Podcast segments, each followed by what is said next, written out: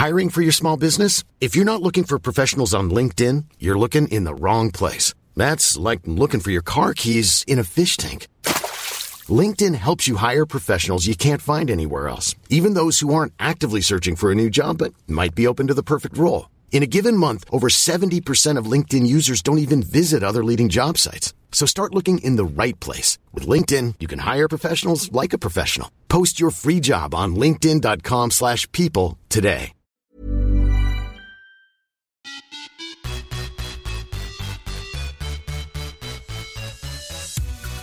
Hej Sara, Hej Josefin.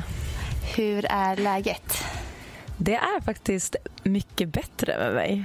Ja, jag det kände det, jag lyssnade på vårt förra avsnitt och vi, bara, vi var lite risiga båda två alltså. Ja, vi var ju där. Alltså vad har hänt sen dess? Du var ju hos läkaren och kollade upp den här knölen på ryggen, vet jag. Ja exakt, så jag hade ju den där inflammerade.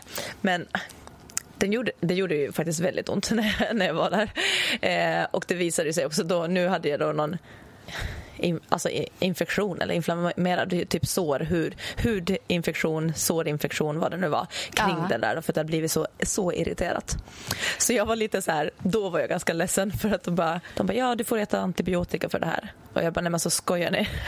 Nej, jag, bara, jag har typ varit fyra dagar utan. Ja, igen liksom. Ja, så jag Ja. sa det. Så jag, bara, alltså jag har precis gått på en antibiotikakur. De bara, ja men det är olika antibiotika för olika saker. Så att du måste ha det här så att det liksom lugnar sig. Så jag eh, är nu på sista dagen idag. på kur nummer två inom en månad. Vad Men- ja. Det har släppt. Alltså, jag har inte alls lika ont. Den har gått till, jag var tillbaka till läkare för att jag se igår. Och nu var den nästan borta helt och hållet. För vi hade ju, egentligen hade jag en tid igår för att kära upp den. För det var så illa. Men oj. Men, ja, men de insåg att det behövs inte för att antibiotikan har tagit jättebra. Så att den var nästan, den, hade, eh, den var inte alls lika irriterad och inte sådär uppsvälld eller hård eller vad man ska Men säga. alltså gud vad skönt. Så nu, ja, så jag slapp det. Och jag kände som i helgen, energin bara kom tillbaka. Alltså, Jag bara kom på mig själv i huvudet att börja planera vad jag ska träna i veckan, vad jag vill göra. Och jag bara, åh, jag har inte ens haft de tankarna. Ja, men gud vad skönt att vara tillbaka, på väg tillbaka. Ja. ja. Så jag körde i, i måndags körde jag mitt första träningspass. Och jag har sån träningsvärk alltså. Ah, det, man, man tappar ju så jäkla mycket när man inte har kört på länge. Även fast man är tränad person. Ja, men och så här, ovanan liksom att Ja. röra sig med den belastningen och sådär. Så att eh, även om jag tog, det, jag tog det väldigt lugnt på passet för jag visste att det här- det här kommer göra ont ändå. Så jag tog det väldigt lugnt. Men eh, jag gjorde några raka marklyft och den för baksidan, jag tror att det var de som Ja. både stretchade ut och och ja, så jag har lite träningsvärk men jag njuter av den. Du vet Ah. den där konstiga känslan när man njuter av smärta för att man känner att I'm back. Härligt. Ja, så jag är på rätt väg och ska faktiskt eh, springa idag har jag tänkt faktiskt. Oj, se där. Vad ska det bli för Ja. Jag funderar faktiskt på att köra den här som Lisa Beskow tipsade om. Hon, när hon tror sina favorit... Just det, intervalltipset.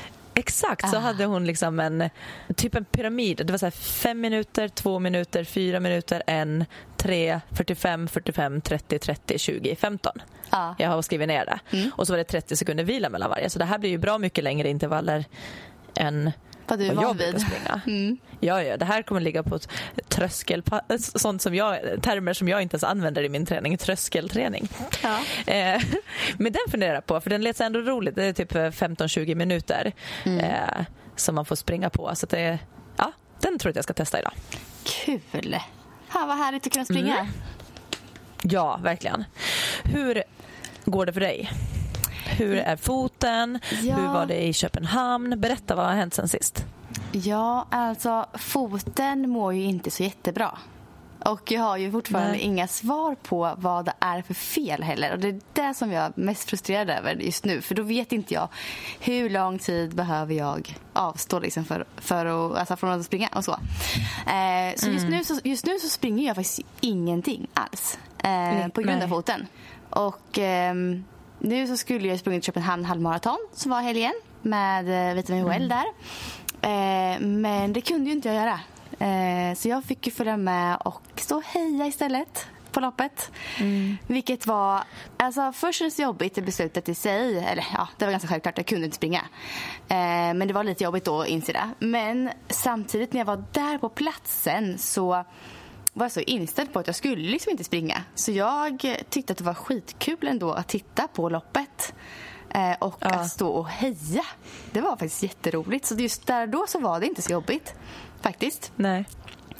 Eh, så nu så, jag har ju en del uppdrag på gång också som är som ligger lite i farozonen kan man säga, som är jobb, jobbuppdrag också eh, relaterat till löpningen. Mm. Eh, så att vi får se vad jag kommer kunna göra eh, framöver. Jag har tänkt på det, för liksom de flesta som, om man bokar av ett lopp för skada, då brukar man ju inte åka med överhuvudtaget. Men du Nej. åkte ju ner för att heja och det finns ju en anledning till att du har bokat det här loppet ihop med Vitamin Well som du är ambassadör för. Mm, precis. Eh, så jag funderar, hur känns det här kring? Liksom, för man blir ju alltid besviken när man måste plocka bort ett lopp man har planerat in för att man har tränat inför det. Det är mycket känslor kring det. Mm. Men blir du extra stressad eller hur går tankarna kring när det inte bara är din egen upplevelse och lopp utan även ett jobb? Mm. Som, du, du, har ju, du har ju lite betalt för att springa ja. lopp också kan man säga. Ja men lite så. Det är ett jobbsamarbete. Eh, och jag är ambassadör för dem och de har ju bokat resan och loppet och allting till mig liksom. Eh, och då så känner man ju absolut extra mycket eh, när man inte kan springa. Det känns ju väldigt jobbigt för deras skull. Eh, mm. Och det blir jobbigare nästan att hantera än att man själv inte kan springa för sin egen skull. Mm. Så att, eh, i det här läget så blir det väldigt jobbigt eftersom jag jobbar med löpningen. Och det är det jag ser också framöver nu med att inför olika jobbuppdrag som jag har så vill jag kunna vara på plats och vara alert, kunna springa, kunna coacha som vanligt, du vet så. Och så är man rädd för det nu, att kommer det kunna gå? Eh, så när jag var i Köpenhamn nu så var det lite jobbigt för, mot, gentemot dem men de, de tog det väldigt, väldigt bra. Tyckte det var jättekul att jag var på plats och hejade ändå. Så att ja. de, de tyckte ingenting om det. Men jag kände själv så här, en skuld gentemot dem att jag inte sprang. Det kände jag verkligen. Mm. Ja, men jag förstår det. För att du hamnar ju lite i situationen att ehm, på ett sätt är ju du lite som en elitidrottare med sponsorer ja. fast du inte är en elitidrottare. Du har ju, du har ju valt att vara motionär, eh, tränar och tävlar som en motionär, mm. riktar dig till motionärer men du hamnar ju ändå lite i att du har andra runt omkring dig som räknar med att du ska leverera. Precis. Och det här kan jag men, tänka mig att många, alltså eliten kan man förstå här som är sponsrade som ska ja. prestera på olika sammanhang den pressen de måste ha ja. när de blir skadade. Liksom. Man kan ju nästan jämföra det med det, men inte riktigt. Ändå. Nej, men precis. Och det jag tänker att är viktigt för dig då också att komma ihåg är ju också att du, eh, du är ju ambassadör för dem för att du för att du riktar dig till motionärer och för att du eh, inspirerar dem. Så ja. jag tänker att det här kan ju också vara inspirerande och behöver inte alls vara liksom en nackdel. Så det var bra tycker jag att Vitamin Well bara var glad att du var där och att de inte kände eller gav dig någon form av press. För Nej. att det är ju inte det, de bryr sig ju egentligen inte om dina tider, tänker jag. Nej, verkligen För då hade du ju varit en annan typ av eh, sponsrad atlet. Ja. Men så jag, tänker, jag tycker det är väldigt bra att visa att nej, nu har jag ont, nu springer jag inte och vara öppen med det. För det blir också inspirerande och eh, ja, att man lär sig av det. Ja, jag hoppas verkligen att det är så. Ändå. Ja, men absolut. Eh, ah. Det är det. Men jag tänkte bara själv, jag förstår om mm. du känner dig lite så stressad kring att inte kunna springa i och med att det var tanken var att du skulle springa.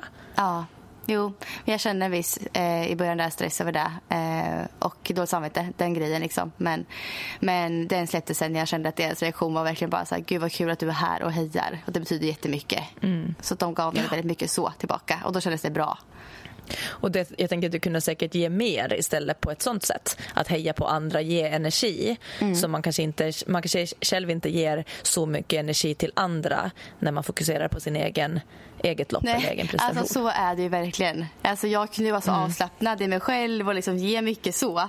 Medan de andra som skulle ladda inför loppet, man går in i sig själv, stänger in sig i sina tankar, blir ganska osocial där sista tiden innan man ska springa. Så är det ju alltid. Ja. Eh, de flesta funkar så, vissa är ganska avslappnade men de flesta stänger in sig ganska mycket och blir liksom lite disträ och så. Men jag kunde ändå ja, ge lite mera och vara som vanligt i sammanhanget. Ja men precis, det måste ju ändå vara lite kul att se allting utifrån. Alltså det var väldigt intressant. Eh, och det här, vi kommer komma in på det här nu idag om mental träning och hur man hanterar det och press och stress inför lopp och sådär. Och det var väldigt kul att se hur andra, alltså utifrån så. Jag brukar ju alltid annars också vara i den där bubblan och jag blir nog ganska så tråkig och disträ timmarna innan ett lopp. Eh, men nu fick jag se andra sidan att jag var den som var lugn och avslappnad. De andra var i den här bubblan. Eh, lite stressade, pressade eh, och hanterade det på lite olika sätt. Så det var kul att se utifrån faktiskt. Ja. Men ganska skönt att inte vara du... där just då. Ja, men jag kan tänka mig. Jag har ju hejat på några lopp här nu i Stockholm. Och då har ju, jag har ju inte ens haft en tanke att springa det. Så att det är inte, jag har inte gått miste om någonting. Men jag har ju stått där bara för frivillig att heja. Mm. Och jag tycker man får så himla mycket energi. Och jag blir så här, glad och jag känner att andra får energi av att jag står och hejar. Så jag kan ja. nästan inte slita mig för då tänker jag nej då får inte de som kommer snart det där hejaropet. Jag vet. Jag stod alltså och hejade från första till nästan sista på samma plats liksom. Vid, ja. vid en mil. Så jag verkligen fick ju se eliten där längst fram och de här motionärerna som typ nästan halvgick eh, i slutet. Liksom. Så det var väldigt kul mm. att få stå och heja. Jag kunde inte gå därifrån. Jag ville bara klappa henne till alla. Var liksom. exakt. Ja, det var verkligen så. Så det var skitkul alltså. Sen fick du uppleva ett världsrekord va? Ja, det blev Visst världsrekord. Det världsrekord? Ja, 58 minuter eller någonting var det. Det var så sjukt. 2.45 tempo i snitt på halvmaran. Oh, shit alltså. alltså. Det är så galet. Han ledde ju också. Jag står vid 10 km så han ledde eh, även där. Och vilket jäkla tempo alltså. Oh. Det var galet. Det var kul att se. Gud vad häftigt. Ja, jättehäftigt. Verkligen. Men du, idag så har vi tänkt att vi faktiskt ska prata lite om det här med mental träning. Ja, eh, Lite precis. våra egna tankar kring det och upplevelser. Både när vi var yngre och där vi är idag. Men också kanske lite kring träning och tävling och i medgång och motgång. Ja, precis. Det är väldigt intressant. Alla fightas ju lite mot det mentala på olika sätt när man ska prestera, tänker jag.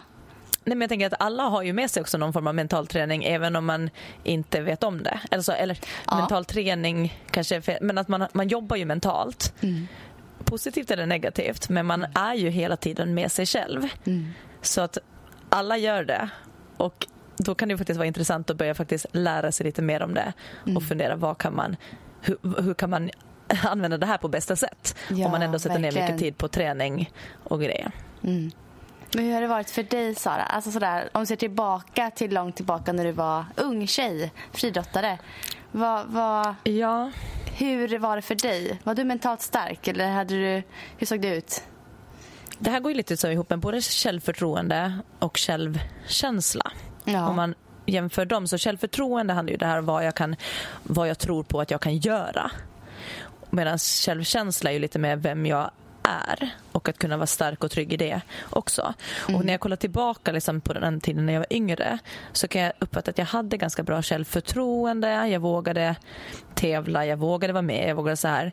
Men däremot hade jag väldigt svajig självkänsla att jag kopplade ihop lite prestationen. Om jag presterade dåligt så kunde jag känna att jag var dålig.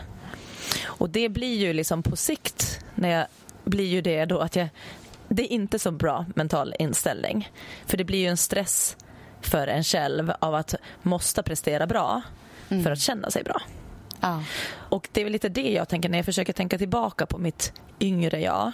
Så det som skiljer sig mot idag var nog att jag liksom då var mycket hårdare mot mig själv.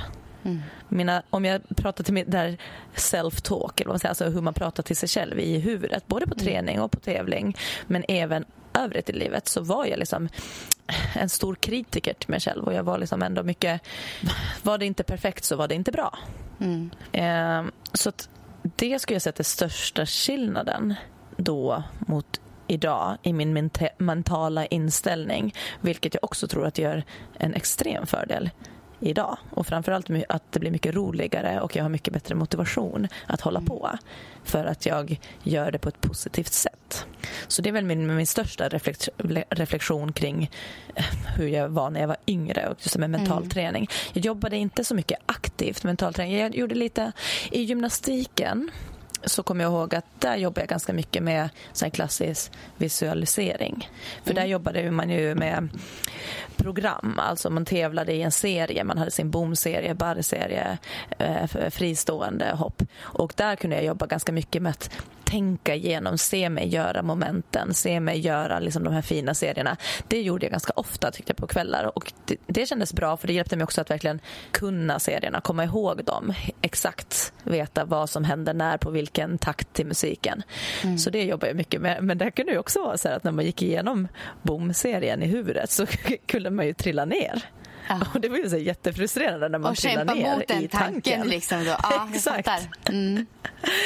Så där kommer jag ihåg, det jobbar jag lite så aktivt med på gymnastiken. Men annars tror jag inte att jag hade så mycket, inte så här liksom organiserad mental träning har jag inte haft så mycket. Hur har du? Har du, har du jobbat liksom aktivt med mental träning när du var yngre? Ja, men alltså så här var det för mig. Jag började med friidrott när jag var jag tror det var nio när jag friidrott. Eh, så höll jag på i tio år och jag var ganska seriös i min satsning då. Vi var en stor grupp, eh, jag tror det var 10-12 stycken i samma ålder, 85 er mm. Och alla vi satsade väldigt mycket eh, på friidrotten och på tävlingar och sådär. Och eh, vi hade en väldigt seriös tränare som var jätte, jättebra. Eh, och han märkte ju väldigt tidigt att min största brist, eller min akilleshäl, var verkligen det mentala. Jag kunde inte hantera det mentala i tävlingssammanhang när det väl gällde. Utan då underpresterade jag. Jag kunde mycket mer än vad jag gjorde. Um, jag hade så det var på dina dåligt... resultat som han... Vad sa du? Det var på dina, resulta... det var på dina resultat som han märkte? Ja, både och. Eh, både att... det och dels hur jag liksom hanterade Eh, alltså tävlings, han märkte på mig när jag kom in på tävlingsbanan att jag tyckte inte att det här var jättekul. Fast jag egentligen älskade träningen när jag tränade. Liksom. Mm. Så han märkte verkligen på mig att Josefin behöver extra stöttning i just den mentala biten eh, för att kunna prestera och för att tycka att det är kul att tävla. Liksom. Så jag fick en present av honom, en bok en gång, kommer jag minnas jätteväl, eh, om just mental träning. Och jag var den enda vet ja. jag, som fick den här boken. så att jag hade det tufft alltså. Och hur smart det, var kan man ju diskutera i efterhand. Att jag fick den här boken var ju så här, det kanske var ganska dumt drag i efterhand av honom att ge mig den så uppenbart. Ja, speciellt om du är den enda i gruppen. För då känns det, kände, visste du själv, kände du själv att du, hade, att du tyckte att det var en svag, svaghet hos dig mentalt? Ja, men det blev ännu mer uppenbart just i det tillfället, kände jag när du fick boken? Ja. Oj, förlåt, jag skrattar lite för det låter lite så här ja. hemskt. Att så här, ja, om man redan känner sig svag och så får man eh, en, bara en Hur gammal var du här? Alltså jag var i tonåren kanske, någonstans. Ja. När det här hände. Tidig tonåring ska jag säga att jag var. Men läste du boken? jag gjorde det, men jag kan inte riktigt, riktigt minnas. Jag, vet att jag läste den, det gjorde jag. Absolut. Ja. Um, och jag började fundera liksom på hur jag skulle jobba med det och sådär lite grann. Uh, men jag tror inte att det just det då hjälpte mig så mycket faktiskt. Snarare kanske tvärtom. Så här efterhand. Ja, du blev ännu mer stressad. Ja, lite så. Um, jag tror att jag den tiden hade väldigt svårt att hantera pressen från andra människor. Det handlade egentligen mer om det mm. än från mig själv. Pressen ifrån mm. tränarna och föräldrarna, mina föräldrar, trodde jag då att de pressade. Ja, det, det här ska inte jag beskylla dem på något sätt, men jag kände att jag ville prestera för dem lite. Okej. Okay. Tror jag. Men, um, men, som du sa, tror du att det fanns en press hos dina föräldrar eller hos din tränare? Alltså eller kom den under medvetet från Nej, dig? jag tror egentligen inte att det var de som egentligen pressade mig. Utan det, jag trodde det bara. Det kom nog kanske från mig mm. egentligen. Men jag kopplade det som att nu förväntar de sig det här av mig. Nu måste jag göra det här. Så jag ville visa för andra ja. mera faktiskt än för mig själv. Men samtidigt så kanske jag hade en underliggande press på mig själv också. Jag vet inte exakt vad det var. Men eh, svårt att hantera. Men nu när du säger det, när du säger det så kan jag ändå känna igen det där lite också. För att man kan ju på något sätt känna en liten press från andra i och med att jag antar att det där också var en ideell förening som du tränade i. Ja. Eh, och då är det liksom en tränare som, jag hade ju en tränare som var på plats fyra, fem gånger i veckan på ja, sin fritid i stort sett. Ja, han var alltid där liksom. Ja. ja. och man hade föräldrar som betalade träningsavgifter, lägeravgifter, tävlingar, skjutsade eller lagade mat. Gud, ja. Så att någonstans kanske omedvetet, eller så, här, så kunde man känna press på andra. Inte för att de gav det, men man kände ju i form av att de lägger man ner tid. Man ville ge tillbaka på något vis. Exakt, och de Ja. jag inte ens presterar så känns det kanske onödigt att hålla på. Ja, men det kanske ligger någonting i det. Det kanske var lite så, faktiskt. Mm. Så att, eh, ja, jag hade lite tufft där i unga år. Så. Ehm, och jag slutade tävla relativt tidigt. Alltså det kanske var 17-18. Många håller på längre än så. Men, och det var mycket, väldigt mycket på grund av att jag orkade inte ha pressen på mina axlar. Det blev Nej. inte kul att tävla. Nej. och dit vill man ju inte komma helst som aktiv. Utan man vill tycka att det är roligt så långt in i livet som möjligt. Men nej, jag slutade tävla där när jag var 17-18 eh, på grund av det här. Nu idag så är det väldigt annorlunda. För idag så, i alla fall för mig själv. Idag springer jag inte alls för att prestera på den nivån som jag ville göra då. Utan idag så springer jag ju för att jag älskar verkligen det jag gör. Eh, Jag har ju ingen tränare heller som pressar mig på något sätt. Jag springer bara för mig själv på så vis. Men samtidigt, som jag pratade om förut, jag har ju pressen från mina samarbetspartners på ett sätt istället idag.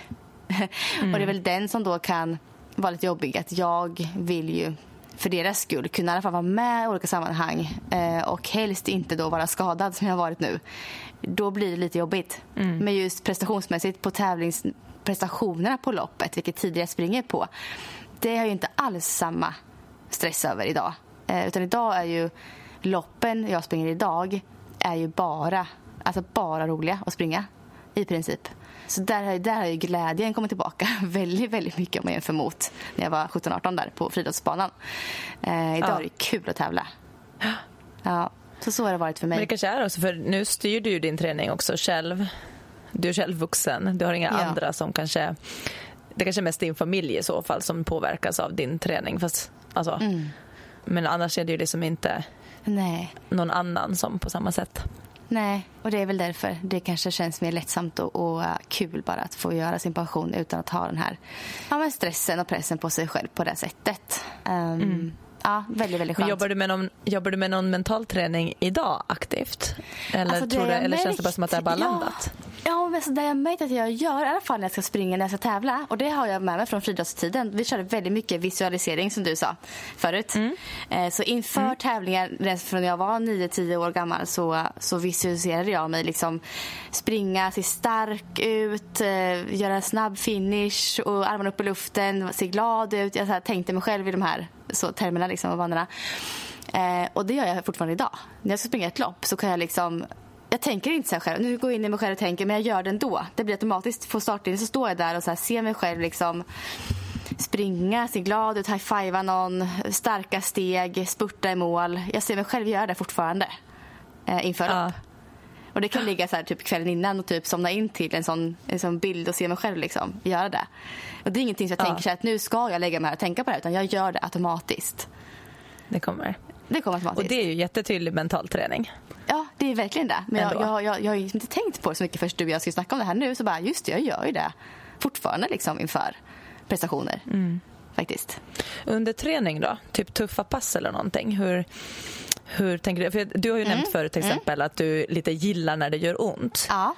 Och då är det ju någonting som du måste ha en positiv tanke kring det. Eller vad, vad Ja. menar du med det uttrycket liksom? ja, men alltså jag... Ja, för när jag kommer till det stadiet jag springer och det gör lite ont då blir jag nästan så här, nästan börjar småle inombords på något vis. Det är jättekonstigt. Men då, jag vet inte, jag blir väldigt stark i det här läget. Just idag är det så i alla fall. När jag var yngre var det jobbigare när jag kom dit. Men idag är det här läget att när det gör ont och när det är som jobbigast då verkligen bara, jag biter ihop och får en jäkla extra power och tycker att det är alltså, jag tycker fan det är härligt. och jag vet inte, då, då är, mentalt har jag liksom jag vet inte vad det är som, vad jag gör, men jag tänker mig väldigt starkt där tror jag. Liksom jag Ja. bara, jäklar vad gött det här nu jävla starka, vilka starka ben jag har. Jag tänker positiva tankar tror jag om mig själv liksom hela tiden. Eh, Är det känslan av att du orkar fortsätta fast det gör ont? Är det den ja, tror du? Ja, jag tror det. Och då tänker jag att jäklar vad jag är stark. Och då blir jag väl lite starkare och orkar lite till. Liksom. Jag tror många kanske som hamnar där tänker kanske tvärtom att äh, fy fan vad jobbigt, jag ger upp, jag stannar. Och så stannar man. Det är väldigt Jag lätt tänker att det är lätt att, att man där hamnar i så här, oj oj oj, nu börjar det bli tungt, oj oj oj, nu börjar det göra ont, oj oj oj. Och så att det blir en Ja. sån negativ spiral. Ja. Och då blir det bara tyngre, tyngre, tyngre. Istället Ja. för att samma smärta kan ge dig en sån här, oh shit, nu börjar benen säga ifrån, men jag orkar. Och Ja. jag fortsätter springa, jag fortsätter. Och även så små tekniker som att man liksom börjar tänka på att, men alltså, armarna, pendlar de lite snabbare så kommer benen följa med. Liksom. Det är så här, och det är också sitter i när man var liten att man har olika tekniker för hur man ska springa just i det här läget som gör att man drar på extra och känner sig ännu starkare, springer om någon. Alltså, ja, det, det, är en konst att hantera det där mentalt när man kommer till det tröttaste läget där man bara vill stanna och typ dö nästan. Ja. eh, och det, alltså, I tävlingssammanhang så kommer man ofta hit. Typ alltid mm. så hamnar man i det här när man tävlar för då pressar man sig extra mycket. Och när jag var yngre när jag körde löptävlingar, för kanske yngre, säg tio år sedan, då kunde jag nästan ge upp när jag kom hit. Just i tävlingssammanhang. Inte träning, men tävling. Eh, men sista året här i tävlingssammanhang så har jag verkligen utvecklat den biten ännu mera när jag tävlar. Att jag biter ihop och verkligen får en fighting spirit och, och kör på bara och ökar till och med liksom, när jag kommer hit. Mm. Och det tror jag många kämpar med, mentalt jobbar med det. Den biten ju, blir väldigt avgörande i mångas fall. Ja, intressant. Du pratade om att det var jobbigt när du var yngre, det här med självförtroende och självkänslan. Um, hur Alltså hur funkar det idag? Kan du hantera det mentala bättre idag än när du var yngre? Eh, eller hur känner du? Ja, alltså jag känner att det är mycket bättre nu. Och jag, vet, jag tror att det är lite olika faktorer som påverkar det. Men jag försökte skriva ner i alla fall lite saker som, som jag känner tydlig skillnad och mm. varför jag tror att det är. Eh, och det, första, det största av allt då, som jag som jag nämnde tidigare, det är det här att jag känner så tydligt att idag är jag snäll mot mig själv. Mm. Både när det gäller träning och med tävling. Så att om jag förut var min största kritiker så skulle jag säga att jag nästan är min största hejaklack idag. Eh, och att jag liksom är stolt över mig själv och jag är glad att jag, att jag har valt att ta upp någonting som gör mig glad och ger mig energi som också är mitt intresse. Mm. För Det är så mm. lätt att man kanske inte prioriterar det. Så redan där är jag stolt och glad eh, och snäll mot mig själv att jag ger mig den här tiden att få löpträna, att få hålla på med en prestationsidrott i det här skedet i livet. Och det ser jag också som en positiv sak.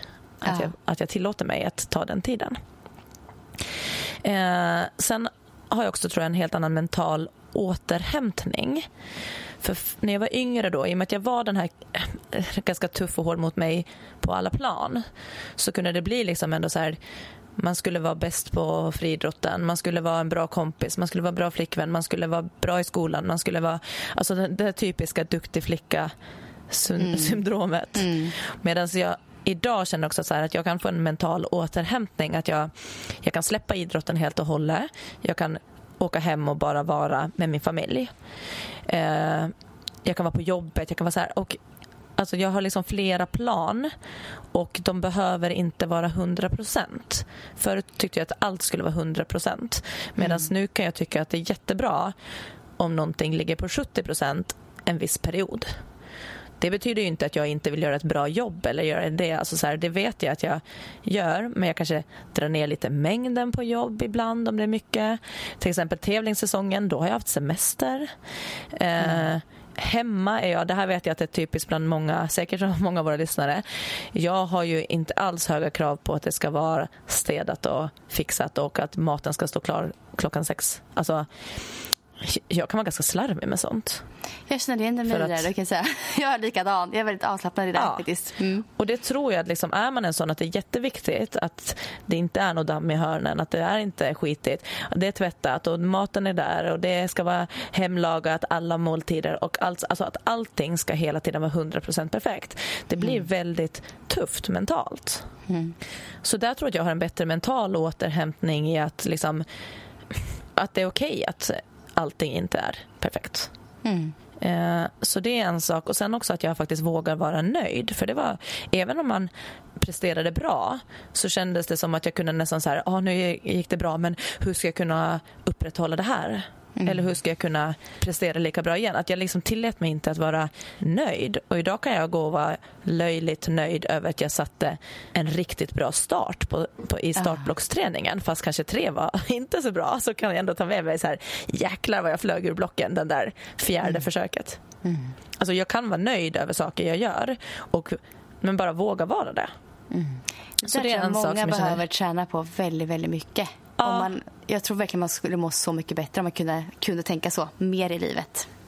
Ja. Mm. Och samma där med att våga tro att jag kan. För det kändes också på något sätt lite så här, jag, vet, jag fick det förut till att vara lite fult att tänka att jag kan bra. Att jag, mm. alltså det var som att man är lite jante, att jag kanske inte skulle tänka det. Medan den här säsongen har jag hela tiden i mitt huvud veta att jag kan springa under 12. Ah. Frågan är bara när jag kommer att göra det. Sen om jag inte gjorde det nu godkänt, det är så här, vad spelar det för roll egentligen? För jag tror inte att jag hade gjort det om jag inte hade trott på, alltså eller vågat tro på det. Det där är jättesant. Men tro på att man kan. Där tror jag att det brister för mig fortfarande lite grann faktiskt. Just att tro på att man mm. kan en, göra en viss prestation. Jag pratar med en tjej som heter Linnea nu som är med Witten Well, Nordic Runners. Um, och hon, hennes tränare säger till henne så här, att det här kan, kommer du kunna prestera snart. Det här kommer du kunna prestera. Hon satsar ganska hårt. Och hon liksom ja. bara, men gud vad då kan, ska jag komma, kunna komma på de tiderna? Va, är det möjligt? Vet, så här. Men att hon bara ah. kommer tro på att de kan det här så kommer hon kunna komma dit. Ja. Säkerligen. Men det gäller att man, man verkligen tror på det på riktigt. Ja men verkligen. Och det är ju så intressant. De håller ju på med det här experimentet, det här, eller det här med att de ska springa maraton under två timmar. Eh, mm. Kipchoge och eh, det är ju Nike ja. sponsrat. De har gjort ett försök tidigare och då kom de inte helt under men de sänkte ändå eh, tiden rejält mycket på det också. Och mm. där har de ju också varit väldigt noga med att välja ut löpare som på riktigt vet att de kan göra det. Ja. Och Det är också intressant att de har liksom haft flera alternativ till löpare liksom, men de har gått vidare med, med personer som, som de verkligen, verkligen tror på det. Och det är så här, jag alltså... tror att det har mycket med att våga tro och inte heller där igen som vi var inne på någon gång förut att inte vara rädd för att misslyckas. För att det är ju ingenting bort från min prestation om jag har trott på det. Nej. Även om jag inte når det så mm. är det garanterat inte liksom bort det är ingenting som har blivit sämre för att jag har trott på att jag kan, även om jag inte gör det. det man förlorar ju liksom ingenting på att våga tro. Så är det Nej. ju. Men det är väldigt intressant att tankens kraft alltså, har en sån inverkan på alltså, våra prestationer och hur vi alltså, ja. mår generellt. Ja, absolut. Och jag tror att det är viktigt liksom att till skillnad liksom så här, alltså med mental träning och återhämtning. Här skiljer det sig kanske lite också då om man är motionär eller om man tränar för prestation. Nu kan ju en motionär träna för prestation också och då är det samma mm. sak. Tycker jag. Direkt man tränar för en prestation så tror jag att det är viktigare att eh, våga tro, våga tänka aktivt mental träning, liksom fundera kring sina mål, tro mm. på dem. Men också att återhämtningen blir viktigare. För att om jag bara går och tränar för att det är skönt att röra på sig, då blir det en återhämtning. Ja. Men det kräver ganska mycket fokus och ork att fokusera på sitt, vad man tränar för.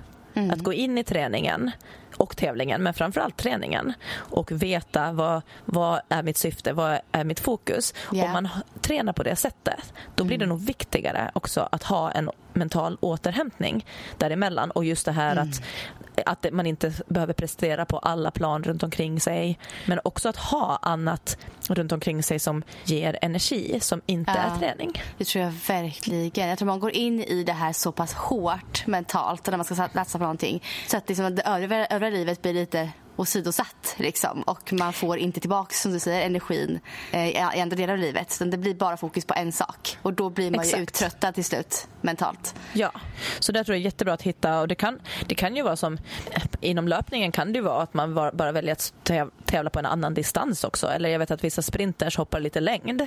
Och mm. det kan ju vara ett sätt att bara mixa upp lite fokuset, att ha någonting annat att göra. Men det kan ju också vara att man har ett helt annat intresse eh, eller pluggar på sidan av eller ett jobb som man eh, tycker är intressant. Alltså något annat som man kanske utvecklas inom eller mm. någonting där man verkligen kan släppa prestationen helt och hållet. Men att det uh. har med liksom, att man kan switcha lite. så intressant. Och där, I dagsläget är det nog min familj. Alltså, liksom, mm. När jag kommer hem så är jag liksom inte Fridrots-Sara längre. Nej. Ja, men det är verkligen Där är det switchat, så. Liksom. Jag känner som när jag kom hemifrån. Jag var både i eh, Köpenhamn och Amsterdam nu och kom hem jättesent på natten till tisdagen kom jag hem. Och bara komma hem och landa och bara lägga sig mellan barnen gjorde jag då. Och jag var så jäkla skönt. Alltså landa mm. mentalt och fysiskt hos dem. Alltså få den återhämtningen. Vad du än gör i livet. Alltså det betyder så mycket att ha någonting sånt. Ja, ja men verkligen. Ja. Och sen tänker jag så när jag tänker på mental träning kring min träning. För jag har skilt lite på träning och på tävling. Ja. För att jag har nog det med på, eller varför det här, när jag jämför det här mot förr i tiden så är det nog också att förutom att man har blivit äldre och mognare och landat mentalt på andra plan så har jag ju också faktiskt pluggat och jobbat med träning. Ja.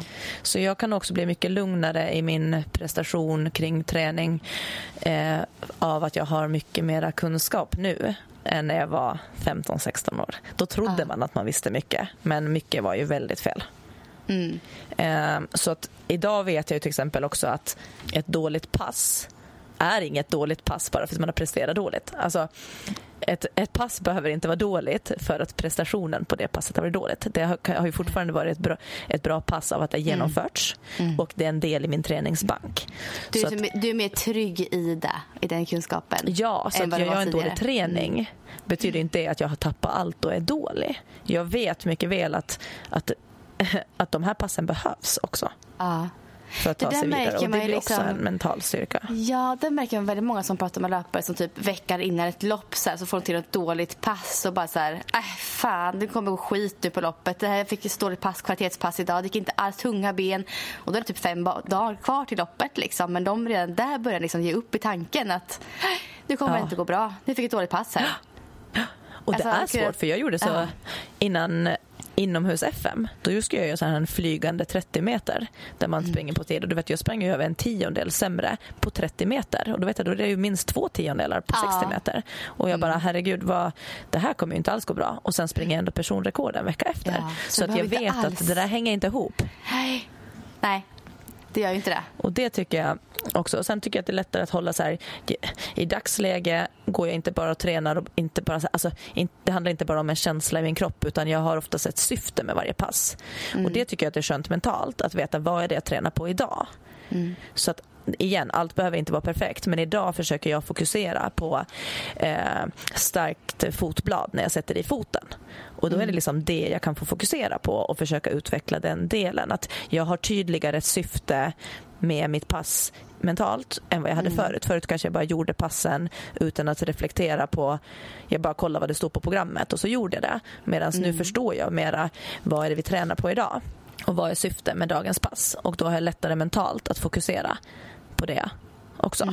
Sen tänkte jag så här, det som jag fick med mig för, jag tävlade ju i crossfit ett tag också. Och Ja. där hade vi lite mental träning. Och det är en grej som man kan ta med sig också. Det var, jag kommer ihåg att en sak som hjälpte mig mycket där när man gjorde sådana tunga workout of the days när man skulle liksom pusha sig i, göra så många varv som möjligt på 20 minuter eller någonting. Eh, det fanns ju massa olika men där handlade det om att man vill ju alltid vila lite grann mellan sätten när det börjar bli tufft när man ligger igen på gränsen till att maxa. Ja. Och då fick vi lära oss mycket som jag tyckte hjälper att när man väljer att vila att ändå hålla ett kroppsspråk som en vinnare. Så om jag släpper ner stången för att vila så behöver jag inte stå och hänga mig framåt böjd på knäna och se ut som att jag ska kräkas. För dels lur, säger jag ju själv de signalerna till mig själv då. Att liksom, okej, nu är jag så, så här trött så jag orkar inte stå upp rak. Och så har man konkurrenter samtidigt som ser hur trött jag är. Och den där grejen med att bara börja vila, släppa ner stången om jag behöver vila. Men jag står med bröstet upprätt, jag står med blicken Mm. framåt. Och har den, och för mig själv också att visa så här, jag vilar bara en kort stund men jag jag är, inte, jag är inte färdig. Och den kan jag tycka också då med löpningen eller träningen också att när man börjar vara trött spring så snyggt du kan. Alltså Absolut. härma någon som springer lätt. Ja. Mhm. Och att bara försöka mentalt hitta ett kroppsspråk som utstrålar styrka och energi. Ja, absolut. Jag brukar alltid försöka, om man tänker på mig själv där, så det är verkligen så här extra mycket armpendling, korta in steget lite, höj lite på bröstet. Alltså som du säger, så tänker jag då när jag är som tröttast. Och då så Ja. ser jag piggare ut och jag känner mig plötsligt piggare. Och det är så jag Exakt. gör, som vi sagt förut, när jag kommer till det här när jag kommer till en punkt i löpningen, det är bara jag vill stanna och spy. Nej, eller så. Och ge upp. Ja. Det är då jag slår på det här extra. liksom i tanken. Ja. Ja, men precis, och typ springer man intervaller, hur lätt är det inte att när det är tufft, att i vilan lägger man sig Ja. ner och bara "Åh, jag vill dö. Gud ja. ja. Men att då också försöka bara ta djupa andetag, vara upprätt och bara liksom så här själv styra med kroppsspråket ens känsla på något sätt. Och den tyckte jag var väldigt bra från crossfiten. Att det var så här, ja men det var en amerikansk tränare som vi hade då, så han sa alltid chest up, eyes forward. ja. Och Ja. den, den kan jag Ja. fortfarande ha liksom ibland när jag är trött och vill sjunka ihop så är det chest up, eyes forward. Mm. Och den tycker jag också kan hjälpa väldigt, väldigt bra. Sen en sak som är som sista som jag tänkte ha som på träning, så för den här går in på träning även om den har med tävling att göra. Och det här var faktiskt min eh, coach Leon som har använt det här på min träning. Och det är när det är sista passet inför eh, säsongens stora lopp. Mm. Eller vad det nu kan vara. Så att för mig var det här, i år var det finska mästerskapen. Och då på sista träningen, när jag är klar med den, då ber han mig att springa ett R-varv. Och första var jag bara, va? Ska jag springa ett R-varv nu?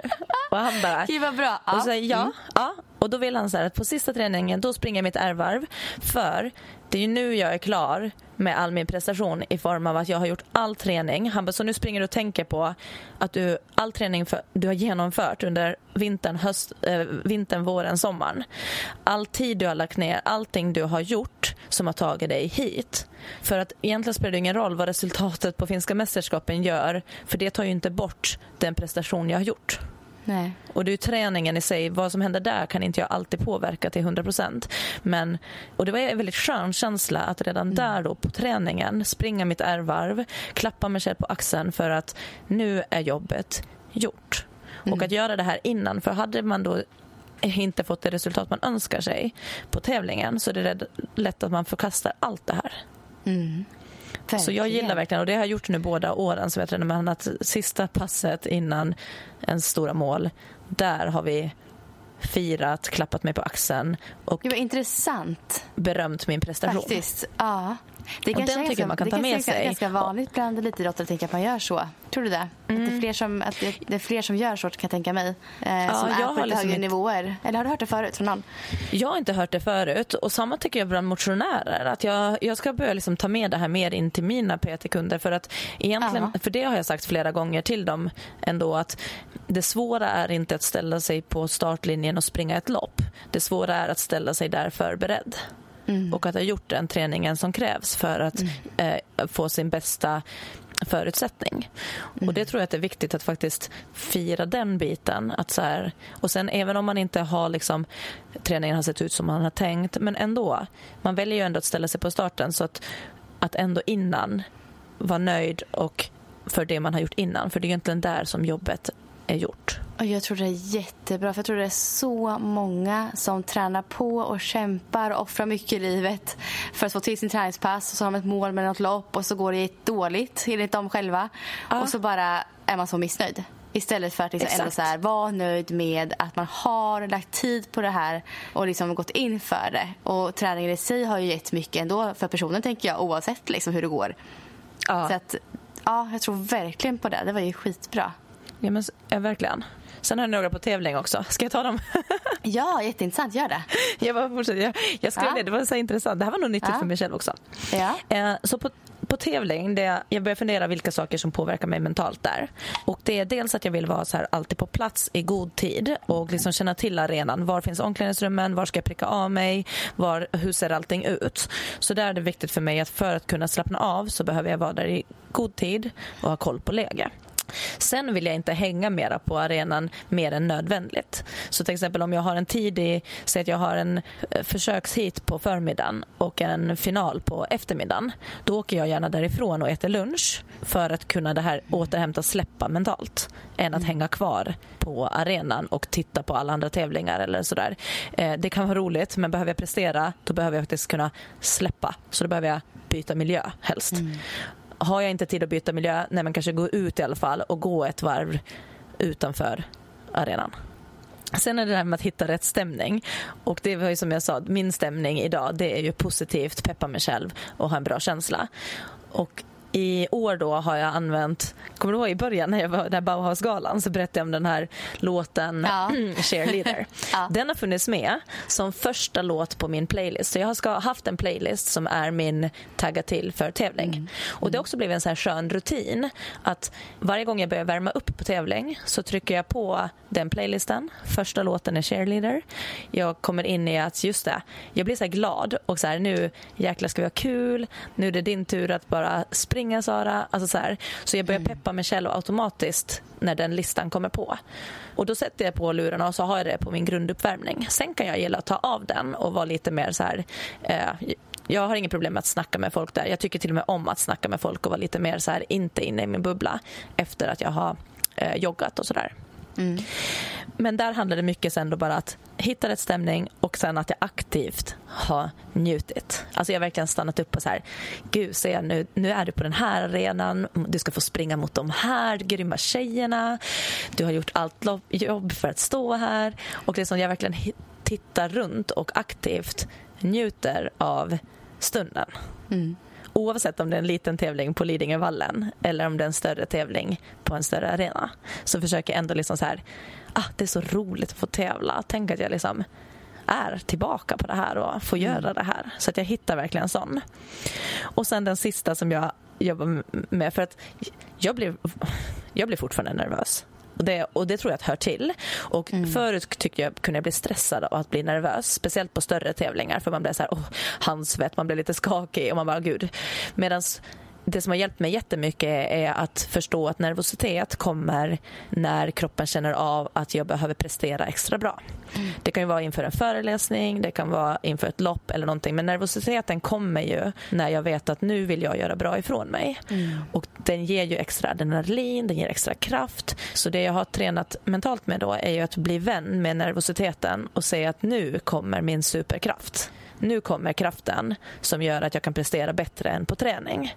Mm. Och Det tycker jag har hjälpt mig att hantera nervositeten. För Det blir liksom mer som att en extra power när jag ja, tänker jag på den så. Jag tror att många ser nervositeten som en negativ sak. Och Då blir man ännu mer nervös för att man är så nervös. Att det blir en negativ ja, grej istället för att okay, det här slås det här på i kroppen för att jag nu ska kunna prestera så bra som Exakt. möjligt. Ja, Ja. Hur känner du? Blir du mycket nervös när du eh, springer lopp? Eller? Ja, men alltså jag blir lite nervös blir varje gång, absolut. Eh, men det är ju inte jättemycket skulle jag inte säga eh, idag. Nej. Men det kanske är för att jag inte haft de prestationskraven riktigt på mig själv heller på länge. Nej. Men typ Stockholm Marathon när du sprang den? Ja. För då, då var ju ändå så på något sätt att du ju... visste lite att du skulle försöka. Ja, för då var jag nervös. För då kände jag liksom att då hade jag ju fått bra träning inför också. Och visste ju så att okej, nu är jag i bästa formen som jag någonsin har varit i. Eh, I löpning. Så då så fick jag lite ändå så här, ah, nu kan jag prestera. Och då sågs mm. det på något extra tror jag i mig. Så då blev jag nervös. Det är skillnad om man har springer lopp som man vet, så här, inte vet riktigt och blir så här, ah, men jag har inte haft så bra säsong bakom mig. Jag springer för att jag vill springa, liksom, för att det ska vara kul. Och då blir det lite skillnad i, så här, i nervositetskänslan där tycker jag. Um, ja. Och samtidigt så kan det där vara, tjejmilen var lite jobbigt egentligen också. Uh, det var ju, då visste jag inte alls istället vart jag var. Och då var jag nervös för det istället inför. Ja. Så det var, Stockholm Marathon var en bra, god nervositetskänsla. Tjejmilen var lite jobbig känsla. Eh, jag inte alls visste vad jag skulle kunna prestera egentligen. Ja. Eh, så ja, alltså nervös lite blir jag ju egentligen kanske varje gång. Ja, det skulle jag säga. Men jag tror att det, det behövs tror jag också. Alltså annars, ja, och det är då man, och man presterar ju alltid bättre på lopp. Eh, jag tror de flesta gör det. Och jag tror att det här nervösa eh, och att man drar på sig adrenalin eh, när man springer gör ju att man presterar bättre. Helt klart. Mm. Ja, och att det är också ett tecken på att det är någonting som man kanske bryr sig om. Alltså ja. någonstans man vill. Ja, men precis. Man vill prestera. Ja. Annars hade man nog inte varit nervös. Eh, jag tänkte avsluta mina tankar här kring, för jag tycker det, det, är ju stor skillnad också med mental träning typ när, man, när det går bra. Det är lättare. Nu har jag haft en bra säsong så det är lättare att reflektera kring min mentala träning när det går bra. Mm. För jag tycker mental träning är ju kanske både svårare eh, Eh, och lite på ett annat sätt när man är i motgång. Eh, så att jag, jag var faktiskt in på en jättebra blogg som heter idrottspsykologi.info. Där fanns det massa olika eh, tips och kring både från förälder, tränare, atlet, eh, barn, gammal. Alltså så, här. så att vill man läsa mer om och få massa tips på mental träning så kan jag tipsa om den bloggen. Men eh, jag tog med mig i alla fall eh, fem stycken tips vid motgång. Och vi yes. har pratat lite om de här redan idag. Och mm. Eh, du har pratat om dem tidigare också när du har haft din skada tänker jag här nu. Men som, om man känner att det, det, är tufft just nu så är det här lite fem tips som man kan eh, göra för att försöka eh, ja, komma rätt på med, i tanken. Eh, och det är liksom att första punkten det var egentligen att sätta ord på vad man känner och gärna då prata med någon. Det kan ju vara familj eller tränare eller någonting men att faktiskt få uttrycka sina känslor som man har, att acceptera Ja. dem. För det är ett sätt Ja. också att se det i ett större perspektiv men också att acceptera eh, hur läget är. Mm. Så för dig att få prata om att du har ont i foten, det stressar Mm. dig att inte kunna springa de lopp du har tänkt och sådär. Men Ja. att faktiskt få sätta ord på vad man känner. Det här, jag känner verkligen så här att podden här i sig har för mig hjälpt jättemycket där. Ja, men jag håller med. För vi har ju pratat ut om ah, det har hjälpt mig så mycket. Ja. Så jag tror verkligen på den punkten så hårt. Det tror jag också. Ja. Sen tvåan, det var att inte ge upp. Att fortsätta så bra som möjligt. Eh, även liksom, ja, att fortsätta göra sina rutiner, fortsätta träna. För efteråt så kommer du ändå vara nöjd över den träning du har kunnat göra under den här perioden. Om du är skadad eller om du bara inte är i den form du önskar. Så du kommer liksom ofta starkare ur när det har varit tungt. Mm. Så bara fortsätta gör, även om det inte är de resultat du vill ha. Eller som dig nu, nu har du ändå kört rörlighet, du har kört rehab, du har kört Ja. lite crossfit, simning. Alltså, men ändå liksom fortsätta kämpa på. Jag tror, ja det tror jag verkligen inte. Många kanske helt enkelt skulle, om man är skadad eller någonting så skulle man ju kanske ge upp en period och inte göra någonting alls. Eh, Exakt. Men som du säger, bara fortsätt att köra och se ditt mål framför dig fortfarande tänker jag utan att, utan att ge upp under Precis. vägen. Mm. Punkt tre då som tips för mental träning vid motgång. Det var det här som vi var inne på tidigare med att hitta andra områden utanför idrotten som ger en energi. Att våga tänka på annat och liksom släppa idrotten vissa stunder. Det tror jag är väldigt, väldigt bra faktiskt. Ja, och att framförallt få en att fortsätta orka hålla på. För jag tror att Ja. lever man i sin bubbla och det är tufft, då blir det väldigt tufft att, att orka och hålla motivationen uppe. Mm, mm, verkligen. Eh, punkt fyra på listan det var att eh, ha mål för veckan. Och att det behöver liksom inte vara ihopkopplat till prestation och utveckling. För det kan ju bli väldigt jobbigt om man känner att just nu är jag inte där och presterar eller utvecklas. Men det kan vara saker som till exempel att eh, genomförande mål brukar man kalla det. Och då är det så att ja, men utöver min träning så ska jag göra tre korta rörlighetspass eller jag ska äta bra mellanmål innan varje träning. Så att man ser kring mål kring träningen som kanske inte har specifikt med prestationen direkt att göra. Ja, och kanske att fokusera på andra saker lite utöver. Exakt. Och för då kan man ju Ja. faktiskt höja någon annan nivå som i stora hela påverkar slutresultatet men man kanske inte tar sig den tiden annars på samma sätt. Mm, mm, precis. Så att mer då bryta ner det i veckomål. Och sen sista punkten, det är egentligen motsats till det. Det är att ha långsiktiga mål. För att tänka att man eh, allt du tränar över en längre tid så du, du blir ju bättre bara av att du tränar. Så även om det inte är perfekt just nu så bara håll i det och tänk kanske fem år framåt. Var, var vill du vara då? För då blir det inte lika mycket så här, oj det här loppet eller den här säsongen. Utan förstå att så men, men om fem år, vad, kommer jag bara fortsätta träna så kommer jag ju vara bättre då. Och våga tänka Ja. lite långt ibland. Ja, men det tror jag verkligen är eh, jättebra att göra. Ja. Jag tror man fastnar oftast i en motgång och tänker mer kort, kortsiktigt. Ja, Eh, och får lite panik och blir stressad över det. Men att man har långsiktiga mål tror jag är eh, riktigt bra. För att liksom lite grann koppla bort det, den jobbiga känslan. ja men exakt och fastna i liksom att allting händer nu. Det här kan jag känna att jag var, eller, Ja. eller jag har egentligen, har du, har du något så här långsiktigt mål? Eller har haft det? Alltså jag, jag, nej, den här punkten är jag väldigt dålig på. Och jag känner så här, den här kommer jag ta med mig själv nu. Eh, För jag sitter just nu fast i att ja, jag är skadad, jobbig känsla över det. Oh, säsongen kanske är förstörd, du vet så. Eh, och jag skulle verkligen behöva ha mer långsiktigt tänk där. Eh, så att jag kan släppa lite det här, här och nu.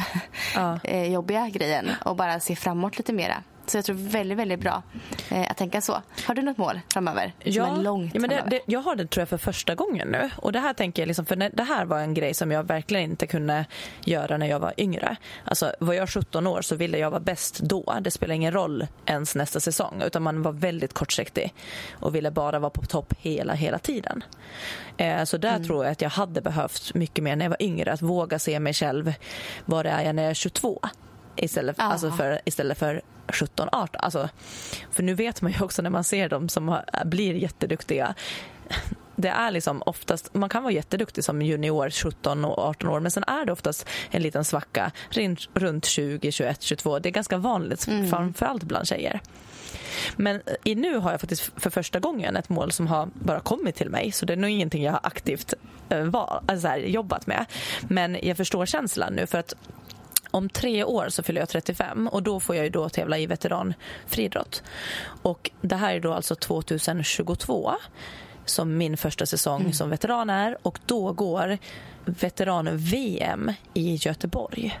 Så det kommer vara liksom ett VM för veteraner på hemmaplan eh, som jag får vara med i för första gången. Och det är Ja, jätteroligt. och det är ditt mål Ja men det har blivit det att automatiskt. vara med där. Ja, och det är inte så att jag bara stirrar blint på det, men det är skönt att ha det där längre fram. För att jag vet att det är tre år kvar. Jag vet att det kommer kunna gå upp och det kommer gå ner. Men då kommer det på något sätt att vi bara vet att jag vet inte vad livet kommer bjuda på här emellan. Men jag hoppas eh, att kunna stå på startlinjen då i bra form. Och det hjälper mig framförallt med motivationen att bara känna att det här är någonting jag gör.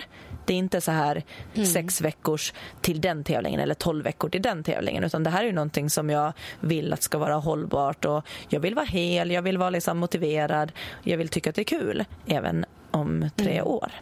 Så jag, så, Det är för sig. så jag jag tror kom att på det att jag hjälper. har ett mål ändå. Mm. Ja, jag kom på att jag har, jag har ju faktiskt ett mål till nästa sommar. Ja. Det är ändå ganska långt fram för mig. Ja. För mig så är det väldigt långt fram. Eh, och det är ju att genomföra ett swimrun. Ja, gud vad kul. Och det blir ju Det verkligen ett mål, mål, ja. för dig mentalt i och med att det är Ja, obehagligt för dig. Eller att du har haft rädd. Ja, och det blir, det blir lättare för mig då att hålla i simningen tänker jag. När jag väl börjar nu också. Ja. Men jag tänkte Så på det har jag faktiskt som mål. Jag tänkte på det överlag med dig Josefin. För att de här, alltså om man nu ser på säsongen som har varit. Du hade ju en superbra början men sen har ju du faktiskt haft det ganska tufft andra halvan av säsongen. Där du har Ja. haft ont, du har varit skadad och så. Men jag tycker att oavsett om du har varit medveten eller inte medveten så när jag räknar upp de här fem eh, tipsen för mental träning vid motgång så tycker jag att du är väldigt duktig på du pratar om det. Du berättar ju om hur du känner. Eh, Du ger inte upp, du fortsätter träna. Du, hittar, liksom, du har kört rehab, rörlighet, styrka, simning. Du fortsätter ju utmana dig även om det inte är på den delen du vill prestera. Ja. Så jag tror verkligen på det här med att komma starkare ur en jobbig period. Det känns som att du verkligen är på god väg för dig. Så jag tänker liksom att om ett år så kommer du se tillbaka på så här, gud, eh, det där var en tuff period men shit vad mycket jag har lärt mig och starkare mentalt för att du vet att du har kanske övervunnit rädslan med simning. Alltså både fysiskt och mentalt så finns det en del, Ja. alltså du kommer säkert ha med dig massa fördelar efter det här. Gud vad glad jag blir att du säger sådär. Det, ja, det betyder mycket och jag, du har rätt i det. Jag har nog haft ganska bra inställning eh, i mina motgångar nu. Liksom, och som du säger, pratat ut mycket om det, väldigt öppen om det. Eh, det har hjälpt mig jättemycket. Verkligen. Ja, så jag hoppas att du har rätt. Ja men verkligen, jag tror verkligen det och just som så här Ja, nej men du, du, du ger inte upp, du fortsätter köra och du verkar hitta positiv energi på andra saker runt omkring också. Absolut. Och så tänker jag den här rehaben som du har lärt dig nu, det är ju ändå någonting som är anpassat till din kropp som du kanske lätt får ansträngning av. Så att hade inte du lärt dig Ja. det nu så hade du kanske fått problem av det senare ändå. Så att du lär ju dig saker Absolut. om dig själv och din kropp för att ta dig framåt. Nej, men jag tror, att, jag tror verkligen att många som lyssnar på det här eh, har fått väldigt mycket bra tips och kanske börjat tänka lite kring sin egna mentala träning och status. Vart är man någonstans och vad man kan man jobba med. Ja. Eh, jag hoppas det verkligen. Jag hoppas också det. Och, det. och framförallt inte bara i träning och tävling. Utan jag tror att den viktigaste punkten av allt, som jag skulle säga i alla fall, det är den här att vara snäll mot dig själv. Och det handlar ju mm. alltså, ännu mer i vardagen och i livet. För att Du kommer Absolut. må bättre om du är snäll mot dig själv. Du kommer vara en bättre person mot andra och du kommer även att prestera bättre för att du har mer utrymme till, till det också när du är snäll mot dig själv. Mm. Mm. Ja, verkligen. Nej, men jag tycker att vi kan avrunda här och tacka för oss för den här veckan. Ja. Så, så hörs vi snart. Det gör igen. vi. Ha det så bra ja. allihopa. Ha det så bra. Hej då. Hej då.